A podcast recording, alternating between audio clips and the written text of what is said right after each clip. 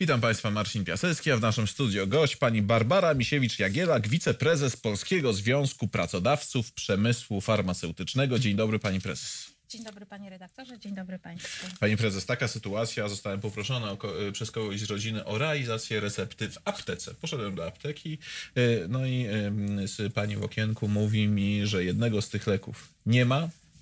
Chciałem poprosić o sprowadzenie tego leku w hurtowni nie ma, nie wiadomo kiedy będzie. Na wszelki wypadek poszedłem do y, jeszcze drugiej apteki, sytuacja się powtórzyła. A był to lek polskiego producenta. Co się dzieje? Jakie są przyczyny tego rodzaju sytuacji? To jest bardzo y, złożona, skomplikowana sytuacja i niestety nie mam dla Pana dobrych wiadomości, ponieważ te problemy mogą się tylko i wyłącznie pogorszyć. Po pierwsze, uzależniliśmy się wszyscy, nie tylko jako Polacy też, ale jako y, Europejczycy, od y, dostaw leków, od dostaw substancji czynnych, czyli tych substancji, z których produkuje się leków, leki z, z Chin tak? Więc tutaj mamy monopolistę, który dyktuje warunki, dodatkowo jeszcze ma problemy. W związku z czym zdarzają się problemy z dostawami do Polski, do polskich producentów substancji czynnych. To jest pierwsza przyczyna. Druga przyczyna to jest taka, że Polska uzależnia się od dostaw leków z zagranicy.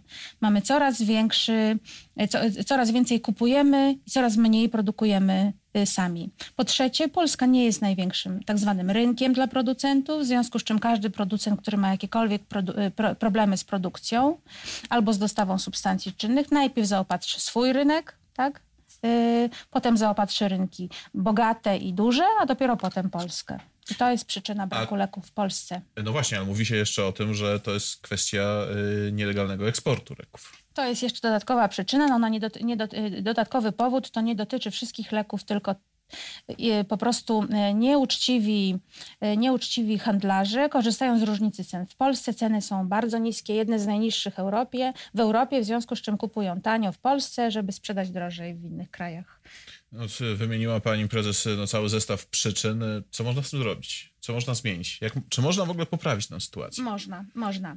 Zacznę od substancji czynnych yy, i uzależnienia się od sub, dostaw yy, substancji czynnych i produkcji substancji czynnych w krajach pozaeuropejskich. Kraje Unii Europejskiej zaczynają już o tym myśleć bardzo poważnie, jak doprowadzić do tego, żeby się uniezależnić od Chińczyków i żeby sprowadzić, żeby ta produkcja substancji czynnych wróciła do y, Europy. Y, nie wiem, czy Polska bierze udział w, tym, w, w tych takich ogólnych, ogólnych pracach. My odbyliśmy już jedno spotkanie z ministrem zdrowia na ten temat co zrobić, żeby e, produkcja substancji czynnych wróciła do Polski. Jest to możliwe. Oczywiście to nie jest tak, że my będziemy całkowicie samowystarczalni, ale w Polsce została jeszcze jedna duża, taka bardzo duża, naprawdę licząca się na świecie fabryka substancji czynnych w Starogardzie Gdańskim. I jeżeli będzie mądry projekt, mądry pro, e, program, no to takie najważniejsze jakieś substancje czynne w Polsce możemy produkować. Ale to jest potrzebny bardzo mądry program i przede wszystkim współpraca z innymi państwami Unii Europejskiej. A czy nie, ozna, nie oznaczałoby to no, jakiejś drastycznej podwyżki cen leków? Może oznaczać może oznaczać, ale to się też może wiązać, wiązać z tym, że dopłaty Narodowego Funduszu Zdrowia do, do tych leków będą większe. Na pewno może to oznaczać podwyżkę cen ze względu na to, że przyzwyczailiśmy się do tego, dlatego właśnie popadały te fabryki substancji czynnych w Europie, bo ta produkcja jest droższa ze względu na koszty pracy, ze względu na ochronę środowiska, w związku z czym no, trzeba się powoli przyzwyczajać do tego, że te leki były sztucznie, y, cen, ich cena była sztucznie zaniżana. Pani prezes, wspomniała Pani oprócz substancji czynnych i związanych z nimi problemami, o problemach również innego rodzaju. Jak można im zarazić? Chociażby tego uzależnienia się e, od importu leków. To tutaj ja nie, nie, nie, nie, nie wymyślę koła. Ten y, projekt, pomysłodawcą tego projektu nazwanego y, RTR-em, już nie zmieniam tego nazwy, czyli y, jego nazwy, czyli refundacyjnego trybu rozwojowego, jest sam premier Mateusz Morawiecki. Otóż zauważył, że mamy potencjał w Polsce. Jest y, kilku producentów polskich, którzy świetnie sobie radzą, produkują, y, produkują leki, mają fabryki i zakłady badawczo-rozwojowe. W Polsce ulokowały swoje fabryki i zakłady badawczo-rozwojowe również kilka firm międzynarodowych, więc postanowił zachęcić też innych, żeby w Polsce, żeby w Polsce ten przemysł kwitł i żebyśmy się dzięki temu uniezależnili od dostaw leków z zagranicy. I to nie tylko ze względu na, na na polską gospodarkę, która potrzebuje takich sektorów innowacyjnych, które dużo inwestują, tak? które są, są przemysłem wysokich technologii, ale także ze względu na to bezpieczeństwo lekowe, bo jeżeli produkt jest na terenie Polski produkowany, no to nawet w przypadku jakichś problemów z, z, z produkcją, a to jest naprawdę przemysł taki skomplikowany, więc te problemy z produkcją mogą się pojawić, no to ten produkt będzie na miejscu i Polska będzie dla tego produktu i dla tego producenta rynkiem priorytetowym. Yy, I co się dzieje z RTR-em? Debatujemy, rozmawiamy.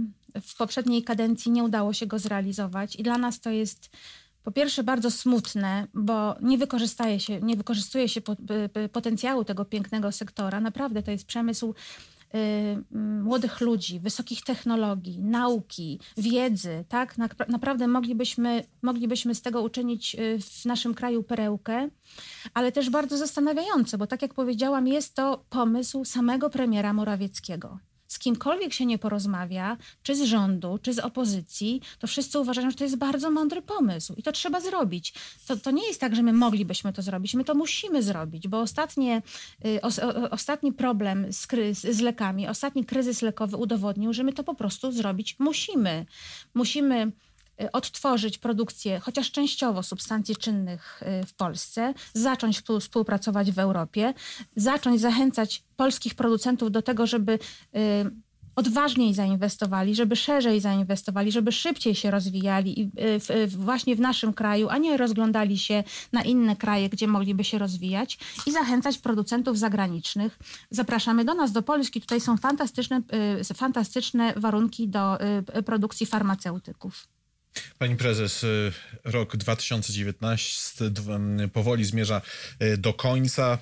Czy coś zdarzyło się, jeżeli chodzi o Pani branżę, pozytywnego w tym kończącym się roku? Tak, nie mogę powiedzieć, że, że, że, że, to było tak do końca smutne. Były, były, chwile, y, były chwile radości.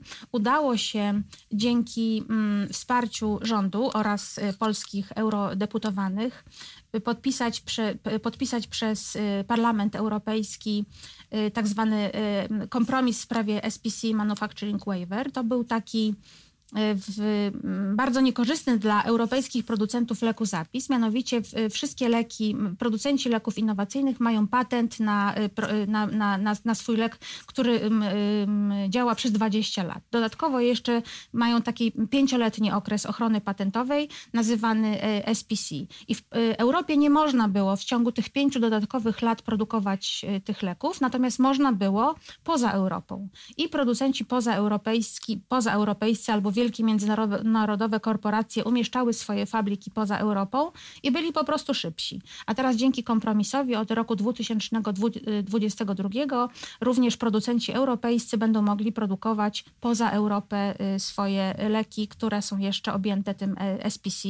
I druga sprawa to bardzo świeża, zmieniono takie też niekorzystne zapisy w ustawie y, własności przemysłowej, mianowicie produkt po, po, po, tym, po tych y, y, wygaśnięciu ochrony patentowej dopiero wówczas polscy producenci, czy producenci działający w Polsce mogli rozwijać e, swój, swój produkt dopiero po wygaśnięciu tej, tej, tej, tej ochrony. Czyli ten mm, e, okres na wprowadzenie leku generycznego do obrotu się, obrotu się przedłużał. Natomiast producenci niemieccy, producenci francuscy korzystali z tak zwanego wyjątku Bolara i mogli prowadzić prace badawczo-rozwojowe w czasie mm, trwania patentu, dzięki czemu zaraz po wygaśnięciu patentu wprowadzali swój produkt na rynek. W tej chwili też polscy producenci będą mogli z tego wyjątku Bolara korzystać. Dziękujemy za to bardzo serdecznie. To nie był mądry zapis, ale, ale ten zapis został zmieniony.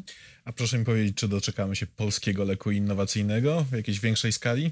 Myślę, że kiedyś się doczekamy. Natomiast czy to jest najważniejsze, panie redaktorze? Jest najważniejsze? najważniejsze jest, żeby pacjenci mieli dostęp do skutecznych leków. Najważniejsze, polscy producenci, krajowi producenci skupili się na tym, żeby zapewnić dostęp wysokiej jakości leków na takie najważniejsze populacyjne choroby.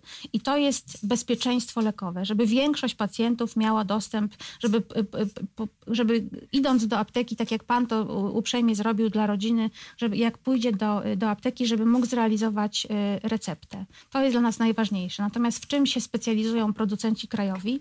Otóż myśmy znaleźli też niszę. Produkujemy leki tak zwane trudne do wytworzenia. Nie wszyscy producenci potrafią zrobić, bo to już wy, wy, wymaga wyższych kwalifikacji. Leki o przedłużonym działaniu, leki iniekcyjne, to już jest wyższa szkoła jazdy. Specjalizujemy się w, w produkcji leków biologicznych, biorównoważnych oraz tak zwanych leków z wartością dodaną, czyli są to generyki udoskonalone. I to jest nisza. Być może kiedyś ze względów ambicjonalnych mm, wyprodukujemy polski lek y, in, z innowacyjną cząsteczką, ale to nie jest ani najważniejsze dla polskiej gospodarki, ani najważniejsze dla polskich pacjentów, no ale to byłaby jakaś taka, powiedzmy, ambicyjna sprawa. Sprawa ambicji. Tak. Pani prezes, a jak będzie wyglądał rok przyszły? Czy to będą trwały te kłopoty z po prostu z kupnem leków przez pacjentów? jeżeli rozpocznie się mądry projekt, a mamy takie obietnice, mamy takie obietnice, że na początku tej y, kadencji rząd rozpocznie pracę nad refundacyjnym trybem rozwojowym, czyli nad zwiększeniem produkcji leków y, w Polsce. Przede wszystkim na tym to powinno polegać. Ja w to święcie wierzę ludzie, którzy mówią o sobie, że są czarnowidzami, mówią, że nigdy do tego y, Polska nie doprowadzi, bo przeszkadza, bo po pierwsze to jest projekt skomplikowany, bo po pierwsze inne kraje y, unijne nie są tym zainteresowane, żeby powstał im w Polsce taki y, duży konkurent, producent leków, tak? Ale ja w to wierzę, że polski rząd do tego doprowadzi, bo to jest mądry projekt i to jest, yy, i nadal będziemy o to walczyć, zabiegać, zachęcać, pokazywać przykłady, dowody, że my nie tylko możemy, ale my musimy to zrobić. Ale co jest do tego potrzebne, żeby ten cały proces uruchomić, tak już naprawdę rozpędzić? Y, dobra wola, pieniądze, co jeszcze? Nawet, nawet nie pieniądze, nawet nie pieniądze. To jest przede wszystkim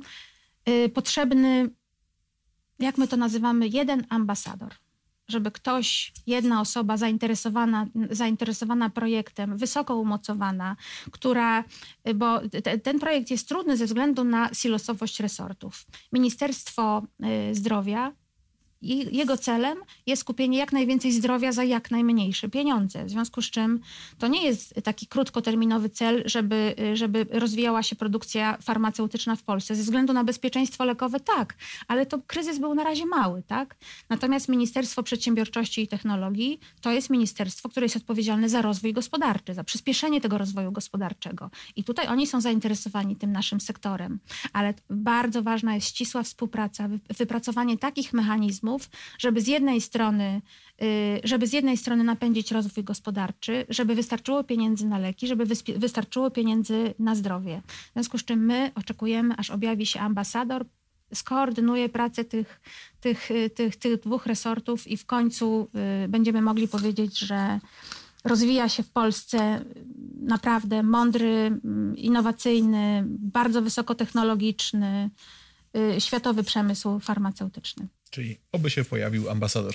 Bardzo dziękuję za rozmowę. Moim gościem była pani Barbara Misiewicz-Jagielak, wiceprezes Polskiego Związku Pracodawców Przemysłu Farmaceutycznego.